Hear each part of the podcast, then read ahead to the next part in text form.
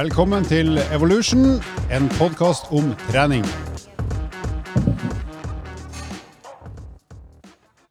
Yes, det er godt å være tilbake igjen. Og eh, i denne episoden her av eh, Evolution så har vi fått med oss en eh, veldig spennende gjest. Eh, det er en kvinne. Det er spennende i seg sjøl. Og hun heter Malin Sparre Johnsen, og hun er eh, klinisk ernæringsfysiolog. Hun er også PT, og så eh, har hun en ganske heftig Instagram-konto som heter Helsa først. Og så jobber hun i tillegg på, eh, i et selskap som heter Sjekk helsen. Så hun eh, er rett og slett en dyktig dame. Velkommen til oss, eh, Malin. Tusen takk. Tusen takk for at jeg kunne komme. Ja, Bra at du kunne komme her nå. Vi skal jo da selvfølgelig snakke om kosthold litt senere når vi kommer oss ordentlig i gang. Men før det så har vi alltid en sånn bablerunde rundt bordet, og da lurer vi litt på hva som har skjedd som er verdt å nevne. Og Vi begynner da med Lars, som sitter til venstre for meg, som fortsatt er like pen som han var i forrige uke. Vær så god, Lars. Hva har du gjort? Takk for det. Men eh, hva introduserer du meg som? Jeg er bare pen. Bare pen. Ja. Ikke noe mer? Nei. Det er greit. Nei, du, takk. Um, siden sist så har jeg eh, fortsatt å planlegge treninger mye. Uh, fortsatt eh, litt for dårlig på gjennomføringa uh, av ulike årsaker. Men eh, denne uka her så mm, har det jo vært busstreik i Oslo, og det er jo et minus for meg, da. Eh, for jeg driver og løper til jobb. Jeg bor i Nydalen eh, og løper ned til Skøyen, som, eh, der vi har hovedkontoret vårt. Og busstreiken Jeg pleier jo å konkurrere med denne 20-bussen fra Ullevål sykehus og nedover til Skøyen. Og Og du har jo slått bussen i det siste òg, så vidt jeg har skjønt. ja. Ja. Det, jeg, jeg skylder litt på trafikken, nå, altså. Den, den blir litt, eh, den litt uh, hindra innimellom. Men eh, her om dagen, eh, på, mm, for noen dager siden, så jo- gikk det ut i busstreik, så da har jeg ikke hatt noen å konkurrere med, og det viser jo tida mi nedover eh, langs eh, ringveien her og langs Kirkeveien, at den eh, er litt viktig for meg. Jeg er et konkurransemenneske, så de tidene her har dessverre blitt dårligere og dårligere. Jeg kan jo si at Når jeg ser han komme inn her eh, på morgenen, så har han vanligvis er han svett, men uh, siste uka så er han egentlig bare litt sånn uh, smålunken, så han trenger egentlig ikke å dusje engang. Nei. Så uh, vi håper de bussene kommer i gang igjen, sånn at farta de stiger betydelig. Ja, jeg håper det en gang. Ok, Hva med deg da, Malin? Hva har du sysla med, ikke siden sist, for det, vi har aldri møtt deg før, men hva, hva, hva har du drevet med i det siste av trening og helserelaterte ting? Ja, eh, jeg skulle jo egentlig bare fortsette de gode rutinene, men så eh, fikk jeg bitte lite grann vondt i halsen på lørdagen. Og da var det bare å ta en koronatest med en gang. Jeg jobber jo på et legesenter i tillegg til treningssenter, så kjenner på det der ansvaret skikkelig. Så da var det bare å ta en sånn drive-through koronatest. Det fungerte veldig bra, men fikk svar etter en dag, og da var også halsen bedre. Så, Så du er frisk? så nå er jeg helt, helt frisk. Så da kan vi ta bort den plastposen vi har over mikrofonen. Ja, ja. Ikke sant. Men var du, var du på Ullevål du testa, eller? Jeg var på Aker, Ok. mm, så sendte bare sånn eh, melding til Oslo kommune, så fikk jeg svar på søndagen med en gang. Så det var veldig greit. Jeg har jo to unger som har testa, og de sa det var uhorvelig vondt å gjøre testen. Hva syns du, var det ubehagelig, eller? Det er eh, ikke vondt, men ubehagelig. Det vil jeg si. Men eh, jeg vil si at eh, samboeren min uh, tålte den mye dårligere enn meg. Som vanlig er vi gutter med sukker. Ja, ja. Jeg kjenner meg igjen der. Jeg har òg tatt en koronatest. eh, Og det når du skal telle til fem med denne q-tipsen vandrende rundt opp i nesa der, det er liksom 1001. Og bli ferdig da 1002, 1003. Ja. Det er Ja. ikke veldig behagelig. Nei, det, det er det ikke. Men nå er jeg litt sensitiv. da. Du er veldig følsom, Lars. Det, det vet vi. Hva har jeg drevet med? Jo, jeg har sykla, men nå er det så bedritent vær at jeg har sykla inne på min vattsykkel. Så den uka her så har jeg et eh, Jeg skal prøve å gjøre noe annet treningsmessig, for det er jo dumt å gjøre det samme hele tida. For da blir- man litt dårligere år for år. Og jeg er så gammel òg at jeg blir jo dårligere uansett. Så den uka her så har jeg sånn terskeluke, så jeg skal prøve å få fem økta den uka her med terskeltrening på sykkel, der jeg tenker at jeg skal ha 50 minutter på terskelen min, altså melkesyreterskelen, i løpet av hver økt, sånn at jeg i sum får litt over fire timer. Og nå har jeg gjennomført tre av de, så jeg har to igjen som jeg må ta på lørdag og søndag, tenker jeg. Så jeg er spent på om det gir noe som helst, og kanskje det er for kort tid til å se noe endring, men jeg skal få teste etterpå og se om det blir noe fart, fart i, i de her beina her. Du er motivert av eh, Tour de France? Jeg er motivert av alle som er bedre enn meg, og det er jo veldig veldig, veldig mange som er bedre enn meg, så jeg er gigamotivert. Har du noe å strekke deg til? Jeg har det. Yes, da skal vi høre på en liten lyd, og så skal vi i gang med ukas tema.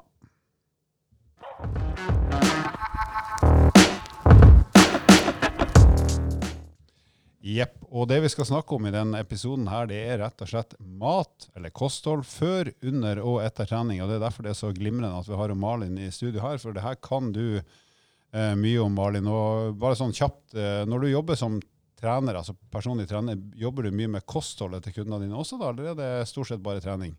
Det er eh, litt blandet. Eh, noen følger jeg både med kosthold og trening. Eh, noen har jeg bare trening, og noen har jeg hatt innom som bare har hatt kosthold også. Så det har vært litt, eh, litt forskjellig. Mm. Hvordan er det, du, du er jo klinisk ernæringsfysiolog, og da Mm. jobber man også med si, kosthold i forhold til sykdom og det å komme seg tilbake igjen fra sykdom og unngå ny sykdom. Hvordan er det, Hva er forskjellen på å jobbe som klinisk ernæringsfysiolog i den setninga kontra det å være en personlig trener som også kan masse om kosthold? Um, godt spørsmål. Eh, forskjellen det er jo det er noe annet å behandle noen som er frisk, eh, fra kontra noen som er syk.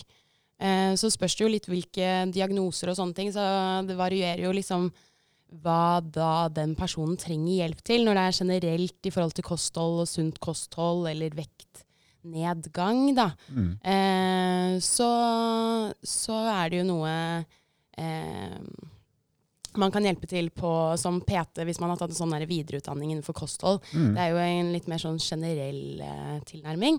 Mens når du f.eks. skal jobbe på sykehus, da, så må du også kunne veldig mye om sykdomsbildene. Ja. Eh, og kunne mye mer ja, litt mer omfattende om eh, ernæring og sykdom, da. Så det blir mer dybde og detaljer når du jobber på, å si, på Ikke sykehus sant? klinisk? Ja. så det er jo derfor du måte trenger også den uh, masteren Mm. i det, da. Ja. Mm. For det, det er greit for våre lyttere å vite at, uh, som du sier, uh, en klinisk ernæringsfysiolog har faktisk studert ernæring i fem år, har en master. Um, og det er jo forskjell på de som bare, har en, eller bare i gåsetegn, har en bachelor i ernæring. Eller, så, eller sånn som jeg som har et helgekurs. Og mye praktisk erfaring. Ja, jeg har spist Ikke mye, sant. det har jeg. Mm. Ja, ikke sant? Det er kanskje Halvor du burde begynne å følge opp når han Ja. bare spiser Grandiosa og pizzabaguett. Nei, tacobaguett. Men du, er- jeg er litt nysgjerrig på hvem er dine typiske kunder sånn når det gjelder ernæring? Hvem er det som kommer til deg? Um, når det gjelder ernæring, så er det jo egentlig litt uh, godt og blandet. Um, ofte, altså En typisk kunde er jo fort eh, noen som ønsker å gå ned i vekt, som har prøvd veldig mange ulike metoder og ikke lykkes. Mm. Eh, så det får jeg jo en del av. Eller så er det jo litt i forhold til eh, IBS, Mm. eh, når man har eh, plager i tarmen Mm. man ikke klarer å finne noe klinisk, men eh, at uh, man har plager, da. Mm. Det, det, det er ikke lov å fleipe med det her, men jeg tror faktisk jeg kanskje skal melde meg på der. Ja, men det er veldig frivillig. mange. Jeg lurer på om det er 1-2% av befolkningen eller noe sånt nå. Ja. Så det er veldig mange som har litt sånn mageplager. Mm. Eh, så det er også ganske utbredt. Eh, nå jobber jo ikke jeg på sykehus, og jeg jobber jo litt mer med generell eh, populasjon. Så det er jo en måte det som det går mest i. Mm. Og så er det jo også det i forhold til å Jeg har jo også folk som eh, bare ikke har et veldig godt forhold til mat. Mm. Og det å på en måte vite og kanskje få litt betryggelse på hva er et sunt kosthold, og hvordan skal jeg forholde meg til det, da. Mm. Eh, det har jeg også hatt litt av. Ja. Mm. Er ditt inntrykk at vi har for lite kunnskap i den norske befolkning når det kommer til kosthold og ernæring? Um, litt blandet. Eh, jeg har jo inntrykk at de fleste vet litt grann hva som er sunt, og hva som ikke er sunt. Men gjennomføringen er jo veldig vanskelig. Mm. Eh, det er jo veldig mange faktorer som påvirker hvordan vi spiser. Mm. Eh, det er jo ikke bare å sette en plan og så go for it. Jeg tror kanskje alle har gjennom livet kanskje prøvd seg på en sånn liten kickstart. Nå skal jeg bli sunn, eller nå skal jeg gå ned fem kilo. Og det er jo vanskelig med gjennomføringen, og veldig sammensatt. Så um, ja, og så møter jeg selvfølgelig folk som også er, er litt uviten på f.eks. i kantina, hvor mye er det egentlig i den der buffeen der, Mm. og tenker at man kanskje spiser ganske sunt, og så plutselig er det noen skjulte kalorier her og der. Mm. Um, så litt blandet, vil jeg si. Ja. Mm. Bra. Du, Da skal vi gå på temaet som rett og slett er hva vi spiser før, under og etter trening. Og Da begynner jeg med et spørsmål som vi har fått egentlig fra ganske mange lyttere de siste ukene. og det er eh, Hva er det lurt å spise før jeg skal trene, eventuelt underveis i treninga og etter, altså rett etter treningsøkta? Og da tenkte jeg, For å gjøre det litt sånn ryddig, la oss tenke oss at i utgangspunktet Først så tenker vi hvis du skal trene kondisjonstrening, da. Mm. Hvis det er liksom det du skal gjøre. Hva er det som kan være fornuftig da? La oss si at du trener en times tid, da, sånn ganske hardt, som er vel det de, eller mange gjør. Mm. Hva er det som er lurt å spise i forkant av ei sånn økt? Absolutt. Eh, Det jeg tenker er veldig viktig, er når vi inntar måltid også. Eh, Det er fint å ha et hovedmåltid to til tre timer før økten. Da unngår du også liksom hold eller mageplager når du løper, og eh, det har jeg gått på smeller på før, så jeg vet jo det. Kjenner meg igjen. Ja, ikke sant? Um, og et hovedmåltid det spørs jo litt på når på dagen man spiser. Um, men det kan jo være frokost. Da kan det være havregrøt eh, med noe banan eller uh, med melk i f.eks. og sånne ting. Um, eller noen brødskiver med pålegg. Fint uh, måltid. Ellers eh, blir lunsj, blir jo litt det samme. Og middag kan du jo, hvis du trener eh, på kvelden, så er det jo fint å få inn eh, middagen før. Hvis man klarer det, to til tre timer. Det er, da blir det jo en tidlig middag i så tilfelle, kanskje, for de fleste. Eh, men hvis man eh, har spist lunsj, da, og så går det noen timer, og, og så skal man plutselig etter jobb eller studier på trening, man begynner å bli litt tom, så er det greit med et lite mellommåltid. Mm. Og da tenker jeg mellom 30 minutter, eh, en time før, Ja. at du tar en yoghurt med litt musli, eller du kan kjøpe deg en skyr på butikken og en banan, sånn at du får i deg litt før økten. Mm.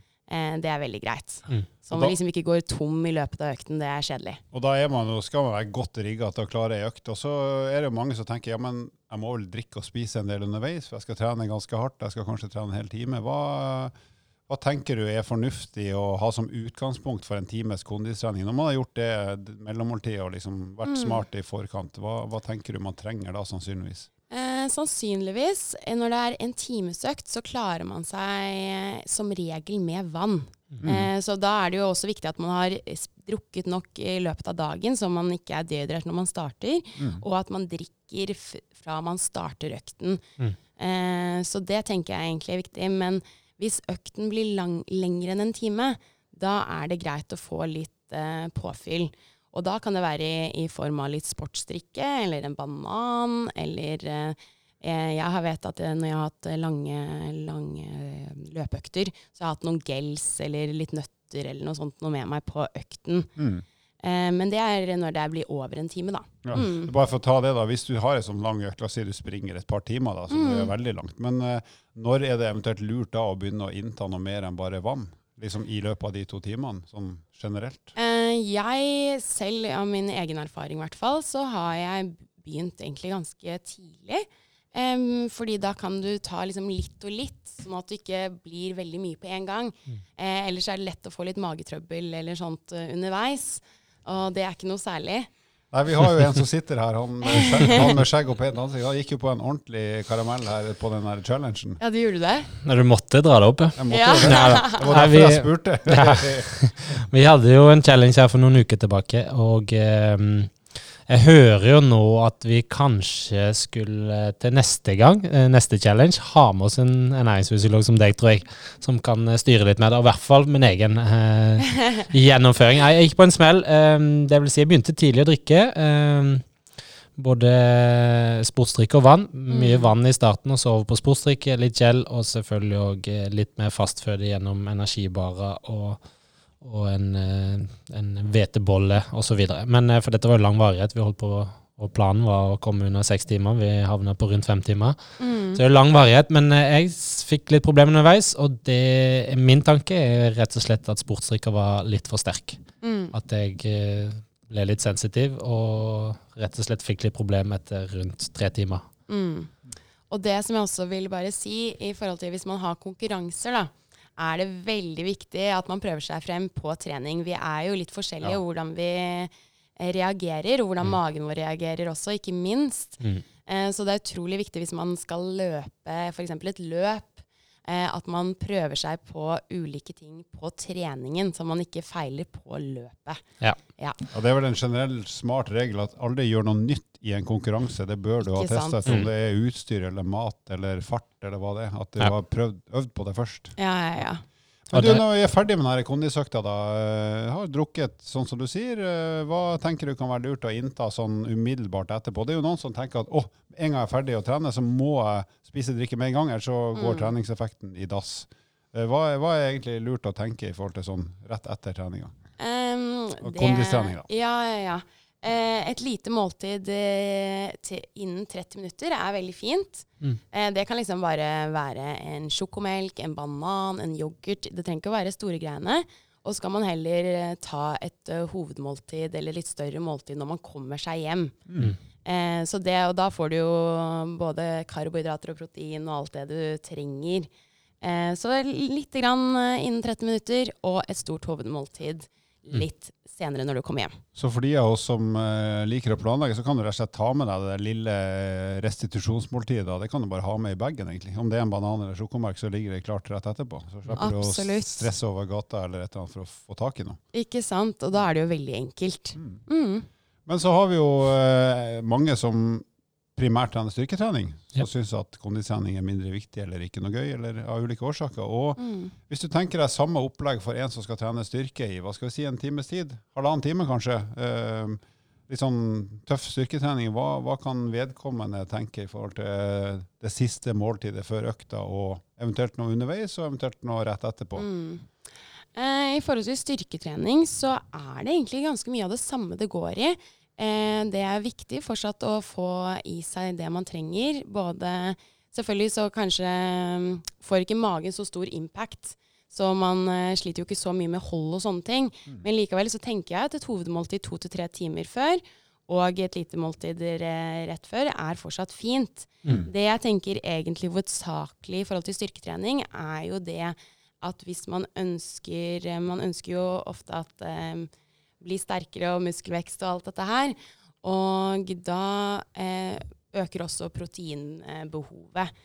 Eh, men det er noe man heller kan se eh, øke mm, i løpet av dagen. Da. Mm. Så det trenger ikke være sånn at det skal være mm, masse mer protein på det ene måltidet før eller det ene måltidet etter, men heller tenker gjennom dagen. Mm. Så for eksempel eh, Ja, for eksempel eh, jeg da som eh, cirka si at jeg veier 70 kilo. Eh, så til vanlig, hvis jeg skulle ikke Hvis jeg er mer sånn utholdenhetstrening, så trenger jeg sånn eh, Så spiser jeg havregrøt, jeg spiser eh, kanskje en skyr, en skive i løpet av dagen og 150 gram kylling. Og da er proteinbehovet mitt eh, dekket Mm. hvis jeg skal drive med løpetrening. Men hvis jeg driver, eh, ønsker å bygge styrke og muskelvekst, så trenger jeg litt mer protein. Og så bare hvis jeg adder da ca. 150 gram laksefilet i løpet av dagen til lunsj, Mm. så er det nådd. Mm. Så det, er, eh, så det er liksom bare det å ha litt mer protein i løpet av dagen, så har du egentlig fått til mye. Det er det er veldig viktig det du sier der, og det er supert. Eh, Jeg kjenner meg jo litt igjen i den. Jeg var i- i en fase tidlig i treningskarrieren min av den kategorien som hadde med seg en proteinsjekk eh, liggende i bagen, som du var, liksom, det var om å gjøre å tømme den proteinsjekken så fort som mulig man var ferdig med styrketreningen. Mm. Igjen for å få i seg det man trodde var veldig viktige proteiner. Eh, Mm. Så det, det, eh, det tror jeg alle lyttere der ute skal ta med seg hjem, og det å ha litt oversikt over hva man faktisk spiser i løpet av hele dagen. Så Mm. Gjerne hvis du har noen verktøy som man kan bruke for å, å få litt oversikt på, på hva man spiser. Er det noe spesielt du bruker? Uh, ja, um, og nå sto det litt stille oppi hodet hva de nettsidene heter. For det finnes em, Mm, noen ulike nettsider der man kan uh, sjekke litt ut hva man Du har jo blant Spiser. Annet, uh, MyFitnessPal, for eksempel? Ja, og så har du Mm. VG, VGs vektklubb, og det er jo flere som Mm. har sånne, sånne kalkulatorer og oversikter som viser Mm. næringsinnholdet og gram proteiner osv. osv. Ja, Kostplanleggeren, kostplanleggeren. Uh, er veldig fin. Ja. Så eh, jeg skal Et godt tips at, eh, Mm. å kunne registrere og få litt oversikt. For det, jeg tror, som du sier, er at folk flest eh, faktisk ikke veit helt hva de putter i seg, sånn totalt sett. mm. Og da får en eh, oversikt gjennom å registrere, og det ligger masse matvarer inni disse appene. Ikke sant. Mm. Og da får man eh, bare en liten oversikt, og det er akkurat det. Og det bare vite lite grann Mm. hva, det, hva det inneholder. Men når vi først er inne på protein, for det er jo det man Mm. ofte Det er liksom det som er det med karbohydrater og fett, det ordner seg stort sett for de fleste. Men, men eh, sånn, hvis vi da snakker litt om proteiner, hvor, Mm. og, hvor mye protein trenger man da sånn generelt, hvis man primært trener styrketrening, kontra hvis man primært trener kondistrening? Hvis du skulle gitt en sånn generell guidning på, Ja, på det? Så eh, anbefalingen ligger ca. mellom 0,8 til 1 gram per kilo for eh, bare sånn normalt. Ja, per Eh, kilo så hvis Jeg, ja, Mm. per kilo kroppsvekt. Så jeg, hvis jeg er 70 kilo, så er det 70 gram da jeg skal eh, ca. klare meg på. Mm. Eh, men hvis jeg skal eh, drive med styrketrening og alt det der, så er det mellom 1,5 og 2 gram per kilo kroppsvekt. Mm. Så da er vi på 1,5 så er vi oppe i 100 gram, da. Mm. Så, Mm. så det, det er som du sier, det med å planlegge. Ikke sant? At Mm. Hvis du vet at ok, nå gjør jeg noe treningsmessig som krever mer protein for å få det resultatet du vil, Mm. da, da kan det være lurt, som dere snakker om, å kanskje få en oversikt over hva er egentlig proteininntaket mitt nå, og Mm. hvordan kan jeg øke det kanskje litt hvert måltid, eller på en måte sørge for å få det stort nok. Ja, og sørge for å få i seg nok kalorier også. For Mm. eh, vi bygger jo ikke muskler ved å være i kaloriunderskudd heller. Så det er også litt viktig. Mm. Eh, um, men det er litt viktigere bare for å punktere det. Du sier at man trenger ikke å jage der restitusjonsmåltidet. Det er liksom ikke det som avgjør om du blir sterkere eller ikke. Men uh, det er liksom totalen gjennom et døgn. Men det-? Men det er en, en faktor som jeg har, eh, det lille jeg har jobba med kosthold, er at det der Mm. lille måltid etter trening kan i hvert fall være appetittregulerende. Sånn at man får døyva sulten litt, sånn at Mm. man kanskje ikke spiser kjempemasse i det neste store måltidet etterpå. Mm. Så om det ikke Mm. betyr all verden for den egentlige restitusjonen, så er det iallfall lurt sånn i forhold til å regulere appetitten til det måltidet som kommer etterpå. Ja, og jeg kjenner i hvert fall at uh, jeg kan bli litt sånn sliten etter en økt, og da er det deilig med litt påfyll rett etterpå. Mm. For ellers så kan jeg gå litt ned i kjelleren før jeg kommer hjem, og da blir det litt grumpy også. Da blir du Så sur når du kommer hjem, Ikke og det vil du ikke. absolutt. Så det er noe med, noe med det også. Da blir man hangry, er det ikke det Ja, man sier? Ja. hangry. Absolutt. Så et godt tips er egentlig bare den sjokomelkingen som du dro opp. Kanskje det er nok for folk flest, i hvert fall de som har lyst, lyst til å bygge litt uh, muskler. Mm. Jeg kjenner meg i hvert fall igjen i det. Det er veldig lett å ty til den litagoen. Mm. Jeg kjenner, meg, Rett jeg, jeg kjenner meg igjen at jeg har lyst til å bygge muskler, men Ja. det skjer jo ikke. Du, jeg tror ikke du klarer å bygge så mye. Men jeg spiser jo Grandiosa hver dag, og likevel så blir jeg ikke sterk. det er rart med det. Rart med det. Men Jeg tror du kan ha hatt litt god hjelp av en ernæringsfysiolog, faktisk. Jeg kunne hatt veldig god hjelp. Fysiolog, det er det ingen tvil om. Ja, du får komme til meg. Bra. Du, eh, du nevnte litt om det i stad, for vi har jo snakket om hva spiser du før, under og etter trening. Men er det, ikke sant, av og til så trener man om morgenen. Mm. Uh, la oss si uh, jeg og Lars uh, finner ut at i dag så møtes vi på EVO, og så trener vi klokka halv åtte. Mm. Og det er klart, Jeg kommer jo ikke til å stå opp klokka fem da for å spise et stort måltid, for jeg Nei. vil sove så lenge som mulig. Så hva er det liksom noe forskjell på den praktiske tilnærminga hvis du trener om morgenen kontra senere på dagen? Ikke sant. Når det blir veldig tidlig på morgenen, så kan man jo tenke mer at man får i seg et mellommåltid. Mm. Eh, 30 minutter, 60 minutter før økten. Det er jo gjennomførbart, tenker jeg. Og det er det jeg pleier å gjøre selv også. Jeg syns fungerer fint. Og yoghurt og litt uh, musli eller uh, en smoothie på morgenen, Mm. så er jeg egentlig ganske good to go. Ellers så pleier jeg å ta litt havregrøt, men bare ikke altfor mye. Mm. Eh, for det handler litt om mengde også, egentlig. Ja. Eh, ja. Men er det, et spørsmål mange lurer på, det er jo sånn her, er det farlig eller bra eventuelt å trene på tom mage eh, hvis man trener om morgenen? For ja. der, der er det utrolig mange ulike personlige erfaringer, rett og slett, sånn i forhold til hva man er vant til, og hva man liker Ja. og så videre. Jeg tenker jo at det viktigste i forhold til trening og kosthold og sånne ting, er at man finner noe som passer seg, Mm. Og at man eh, finner noe man trives med. Eh, noen syns jo det er helt topp å løpe på tom mage på morgenen. Jeg syns det er helt pyton. Mm. Og da er ikke det noe for meg. Nei. Mm. Eh, så det tenker jeg er det viktigste. Ja, For jeg har jo personlig, da, vi får jo være litt uh, personlige. Jeg, jeg, hvis jeg vet jeg skal trene om morgenen, og Mm. gjør jeg ikke det så ofte, for jeg syns det er litt slitsomt, men hvis jeg skal trene kondisjon om morgenen, så pleier jeg rett og slett å spise veldig mye til kvelds. Mm. Eh, for å fylle opp det som er av energilager, og så sover jeg så lenge jeg kan, og så står jeg opp, og så bare har jeg med meg rikelig med væske. Eh, Mm. Det funker jo for meg, så lenge jeg ikke, Ikke trener hardt. Skulle jeg trent hardt, så hadde ikke det gått, men, eh, Men det er jo en smart måte å gjøre det på også. Så da bunker jeg opp eh, noen timer før. Hva med deg, Lars? Du, du gjorde jo dette før challengen vår. Igjen, jeg må bruke det som en referanse. Ja, ja. Han putta jo i seg halvannen kilo med spagetti, 500 gram med karbonadedeig, og avslutta med en, en liter med is etterpå. Dog ikke den beste isen, men det var krokanis. så Han er jo type 70 år i hodet. Ja. Men, Men, jeg hadde eh, kjøpt feil, altså. Jeg skulle egentlig ha en annen is, og så hadde jeg kjøpt krokanis. Så jeg var veldig lei meg. Det er det han sier. Det er det han sier. Men eh, det, det viser jo bare på at man kan bygge opp en buffer. eh, Absolutt. Hvis ikke det er for mange timer til man skal i gang med den aktiviteten. For det har jo Mm. litt å si i forhold til Mm. nedbrytingen og hvor mye man Mm. forbrenner i hvile, og det er òg individuelle forskjeller. Mm. Jeg for min del eh, er jo avhengig av å ha måltidet. Jeg spiste mye igjen, refre- challengen spiste ganske mye kvelden før, men jeg òg må ha et bra måltid før jeg setter i gang. Mm. Eh, Så jeg spiste ganske mye på morgenen. Jeg kan jo si Hvis noen som hører noe smatting her, så er det bare en Lars som tygger på noen Comfort Drops. Apropos den referansen om at vi er gamle her. Ja, har fått av mora si. Fikk tilsendt. Men jeg fikk òg kjeft pga. dialekta igjen. Altså. Det skjønner jeg godt. Mm.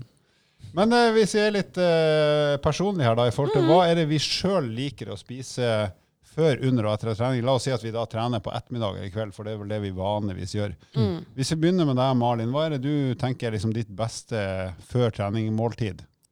Før trening-måltid, eh, da på ettermiddagen, da, det jo, da har jeg jo spist lunsj og Mm. alt, så da er det jo gjerne et lite måltid.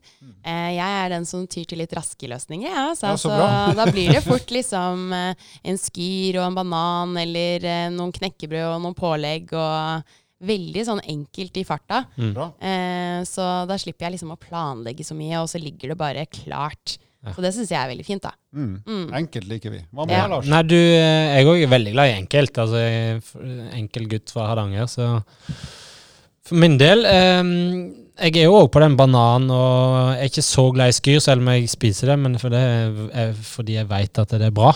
Eh, Mm. og det er liksom òg tankegangen oppi hodet mitt. Men har du prøvd den nye Skyr sånn mos? Den bringebæren. Den var veldig luftig. Ja. Det høres ut Ja. som dessert. ja, den er skikkelig god. Er Luftig og god. Ja. Nei, det, jeg har smakt en med bringebær i hvert fall, men eh, det blir liksom sånn Du føler det er luft, ja.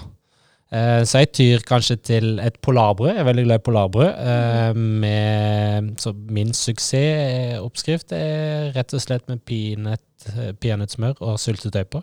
Ja. BJ. Det er god eh, smell. Personlig så er jeg jo veldig glad i godteri, så jeg pleier ofte å spise en eller annen form for proteinbar. For at det oppleves som godteri. Og siden jeg er en eh, enkel, enkel gutt fra Nord-Norge som ikke fikk godteri før jeg var 23 år, Du fikk ikke Camphor Drops. jeg fikk ikke Comfort Drops engang, så syns jeg det er stas. Jeg hadde trodd du skulle si tacobagett. Men Det eh, er etterpå. det er etterpå. Ok, Men underveis, da. Hvis du trener hardt eller lenge, og du vet at du trenger noe mer enn vann, Malin, hva er det du inntar da? Ja, da tar jeg egentlig Jeg er litt sånn der eh, enkel der også. Eh, gjerne litt sånn sportsdrikke. Eller eh, har jeg også prøvd meg på sånne gels. Mm. Det syns jeg er veldig greit, fordi ofte når jeg har sånne lange økter, så er det løpeøkter. Eh, eller så har jeg en liten protein, sånn proteinbar som smaker litt som godteri også. Mm. Det syns jeg også funker. Eh, men det er litt vanskeligere å tygge. Fordi ofte når du løper, og så skal du liksom tygge samtidig. Det, Mm. eh, så det gjør jeg liksom ikke så mye, men bare mest for smaken. Mm. Så ofte litt sånn enkle, enkleste, bare sånne gels og sportsdrikk syns jeg fungerer veldig fint. Mm. Ellers så har jeg hatt nøtter og sånt også på tur. Mm. Banan. Mm. Den kjedelige, tradisjonelle. Ja, ikke sant? Ikke noe hokus pokus her. Nei, nei, Men proteinbar kan jo føles litt sånn som knekkebrød noen ganger. Altså det føles jo Man tygger og tygger og tygger. Og tygger ja. Og det er så fryktelig vanskelig å svelge. Um, men jeg er ganske lik deg. Eh, Jeg òg bruker noen ganger gel på, på langturer, men jeg føler det blir litt sånn fort klissete. Mm. Og så må jeg føle at jeg må fylle på med så mye vann for at det skal på en måte sette seg, og at det ikke føles det ekstremt sterkt. Jeg har nok kanskje eh, en litt sensitiv mage når det kommer til det, men eh, det er iallfall min praktiske erfaring. Mm. Og I tillegg så er jeg veldig glad i vestlandslefse, så det Det er, er min. Det er eh. Det er veldig godt. go-to eh, hvis jeg skal ha langturer i sekken. Mm -hmm. Med sukker og kanel er fryktelig godt. Det har jeg faktisk aldri brukt i trening, men det, det skal jeg gjøre. Nå, jeg driver jo med Mm. sykling, så jeg, har jo ti, jeg kan jo spise biff og bearnéssaus og alt mulig på sykkelen, for der har man jo liksom Man sitter jo i ro, på en måte. Ja. Så Vestlands-FC var et godt tips. Ja, det er så godt.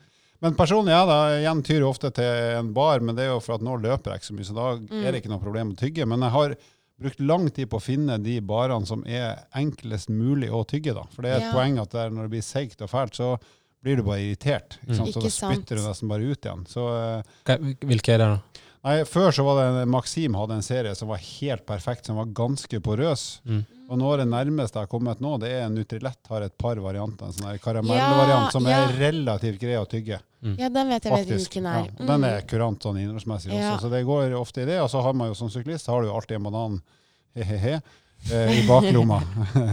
så sånn er det. I tillegg til litt sukkervann og sånn, da. Mm. Men var du er ferdig med den eh, lange økta di, Malin, hva er det som står på din meny da? Eh, Da tar jeg gjerne et fort eh, måltid når jeg er ferdig, sånn at ikke jeg blir grumpy. for alle andres beste, og for min egen del. Da blir det fort eh, en sjokomelk eller en yoghurt. Mm. Så det er veldig greit. Ellers, og så kommer jeg hjem, og da spiser jeg middag.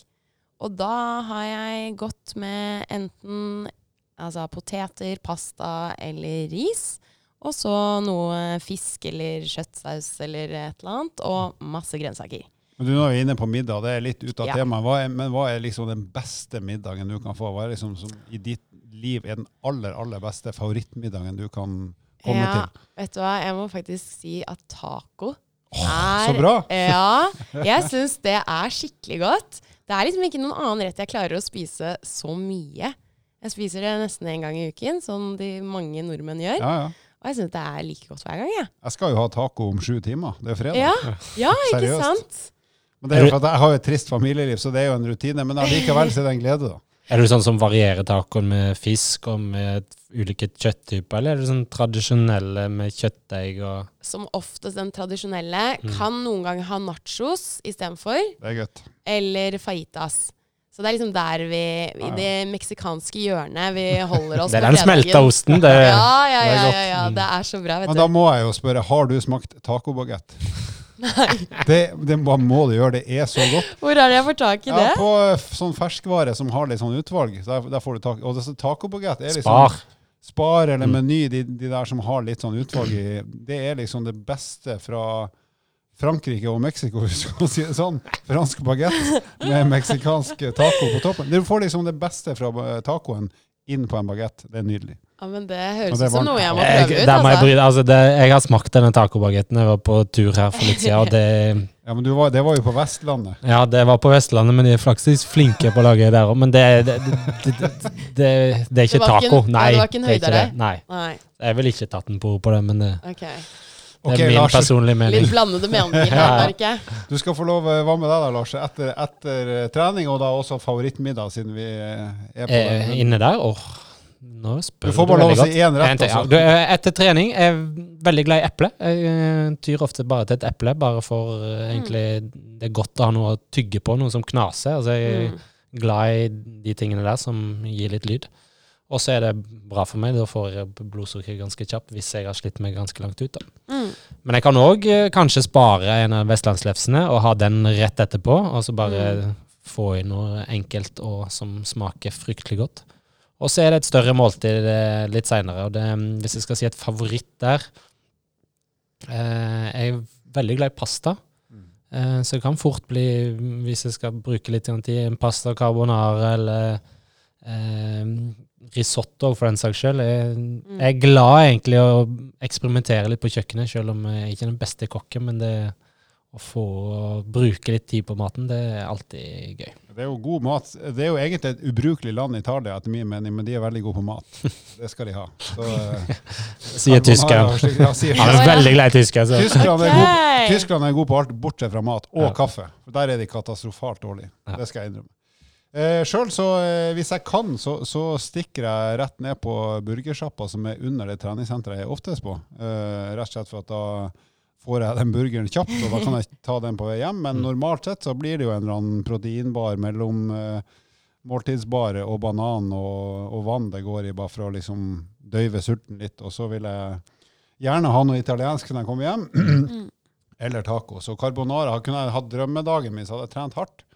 Stappa i meg to doble cheese på vei hjem, og så en time etterpå, etter en dusj og litt eh, tøying og bøying i sofaen, så hadde jeg fått eh, tre runder med carpaccio som forrett, og så en enorm porsjon med carbonara. ernæringsfysiologen vrir seg i stolen. Dette her, her har du litt å jobbe med, for å si det sånn. Hun drar opp et gult kort fra lomma nå, og ja. ser at det røde er på vei her opp. ja, men bra. Spennende. Du har ett bein i dusjen allerede. Jeg har det. Eh, helt til slutt eh, i denne episoden her, så, så er det flere også som har spurt litt på hva, hva er det lurt å tenke matmessig hvis man skal lade opp til en konkurranse eller en sånn kjempe, kjempetøff økt? La oss si at du en gang i uka har en sånn gigaøkt, eller Mm. som du bare vet at det her blir mange timer slit, eller det kan være gå Birkebeineren, sykle eller løpe et eller annet som du vet at det her blir slitsomt over, Mm. si over en times varighet. Hva, hva vil du tenkt kan være noen lure tips og sånn, si siste uka inn mot en sånn konkurranse, Mm. sånn matmessig? Ikke sant. Eh, det som er viktig da, er jo å få fulgt opp disse glykogenlagrene, som vi kaller det.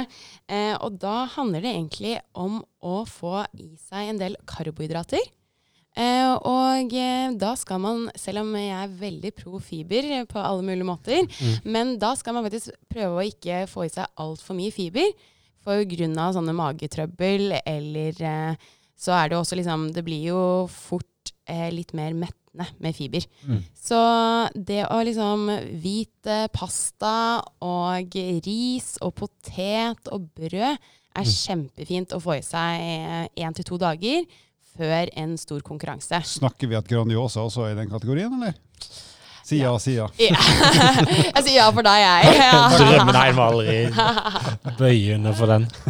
Han ser på meg med sånn der eh, dådyrblikk. Jeg klarer ikke å la være. Jeg tror ikke en 70-åring kunne få et dådyrblikk. Nei, så det tenker jeg er eh, det viktigste, også i forhold til um, vann. At man får i seg nok eh, vann og er ordentlig hydrert før man starter. Er det noen sånn tommefingerregel hvor mye væske man bør ha i seg?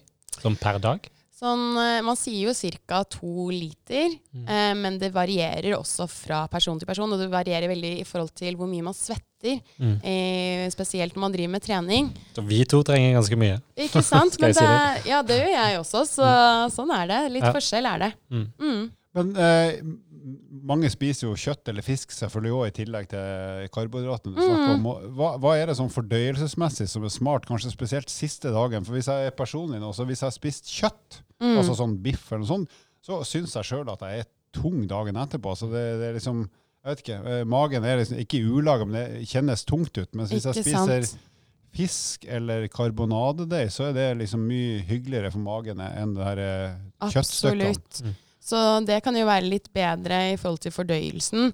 Eh, også liksom eh, magre sånn kylling og sånne Mm. ting også kan være litt lettere. Eh, men der tenker jeg også det er viktig å føle seg litt fram. Og at man ikke gjør noe sånn at man prøver ut dette her før konkurransen. Man prøver det ut på trening først, sjekker ut hva som fungerer for deg, og at du tar det med når du skal da eh, gjøre deg klar til trening. Mm. Nei, jeg gikk til konkurranse, selvfølgelig. Mm. Et, et, jeg har bare én ting som jeg har tenkt litt på, og det er eh, sånn opp mot konkurranser. Mange tyr jo til koffein som et virkemiddel, som et ergogenstoff. Hva er, Mm. hva er på en måte siste eh, news der, hvis man tenker òg energidrikker? Har, har du noen tanker rundt det? Eh, det der kan jeg faktisk ikke altfor mye om, eh, det med koffein. Men uh, jeg vet jo at det er veldig mange som bruker det i konkurranse, og noen liker også å få i seg før man skal starte. Mm. Så, og det finnes jo sånne gels med koffein også. Mm. Men der tenker jeg også det er en litt sånn smakssak. Mm. Nå har ikke jeg sett forskningene på det, eller noe sånt noe heller, så det kan man jo lese seg opp på. Ja. For det, jeg tror det er litt variert. Men jeg tenker som uh, regel så er det individuelle preferanser der, altså. Ja. Mm. Det er en veldig godt svar. Bra.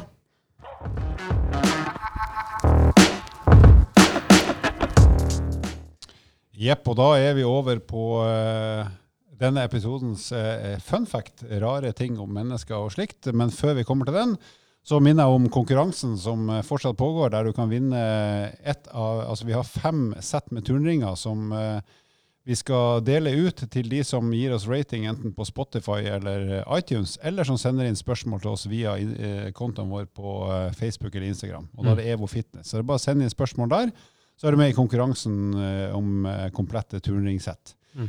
Og så er det fun facten, da, folkens, siden vi snakker om mat. Og Mhm. nå skal jeg ikke si noe om verken tacobagett eller eh, Grandiosa, selv, selv om jeg har veldig lyst.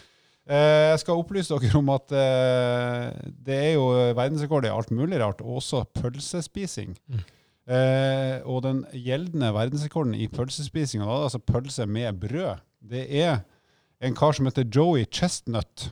Eh, og han heter faktisk Chestnut. med navnet, så skjønner du Det kunne vært Chest Press, Mm. uh, som hadde vært i min gate. Men Chestnut han uh, satte rekord 4. juli, altså på Amerikas uh, nasjonaldag 4. juli i år. I New York så spiste han 75 pølser i brød på 10 minutter. Ti minutter? Det er altså sju og en halv pølse med brød per minutt. Det er helt sinnssykt. Jeg antar han muligens fikk et snev av mageknip etterpå. eh, Hva tror Ja, du, ja. Det må han jo. Altså, han har vel Guri. fått i seg nok energi til å springe en tre-fire maraton, tipper jeg. Ja, Bare pass på væskeinntaket. det der er helt sinnssykt, det der. Det er veldig spesielt. eh, Ikke gjør det hjemme. Nei. Stopp, eh, stopp på 30, da tror jeg du har nok for helga. Altså. Ja, men Bra. Da eh, skal vi takke deg, Malin, for eh, et veldig godt bidrag i denne podkasten. Vanligvis er det Andreas som sier rare ting. Han pleier å si sayonara. Sayonara. Men eh, siden det er mat vi snakker om, så tar vi carbonara. Carbonara. Send inn spørsmål til oss på Evo Fitness. Vi fins både på Instagram og Facebook. Og vær grei å abonnere på podkasten på Apple Podcast eller Spotify.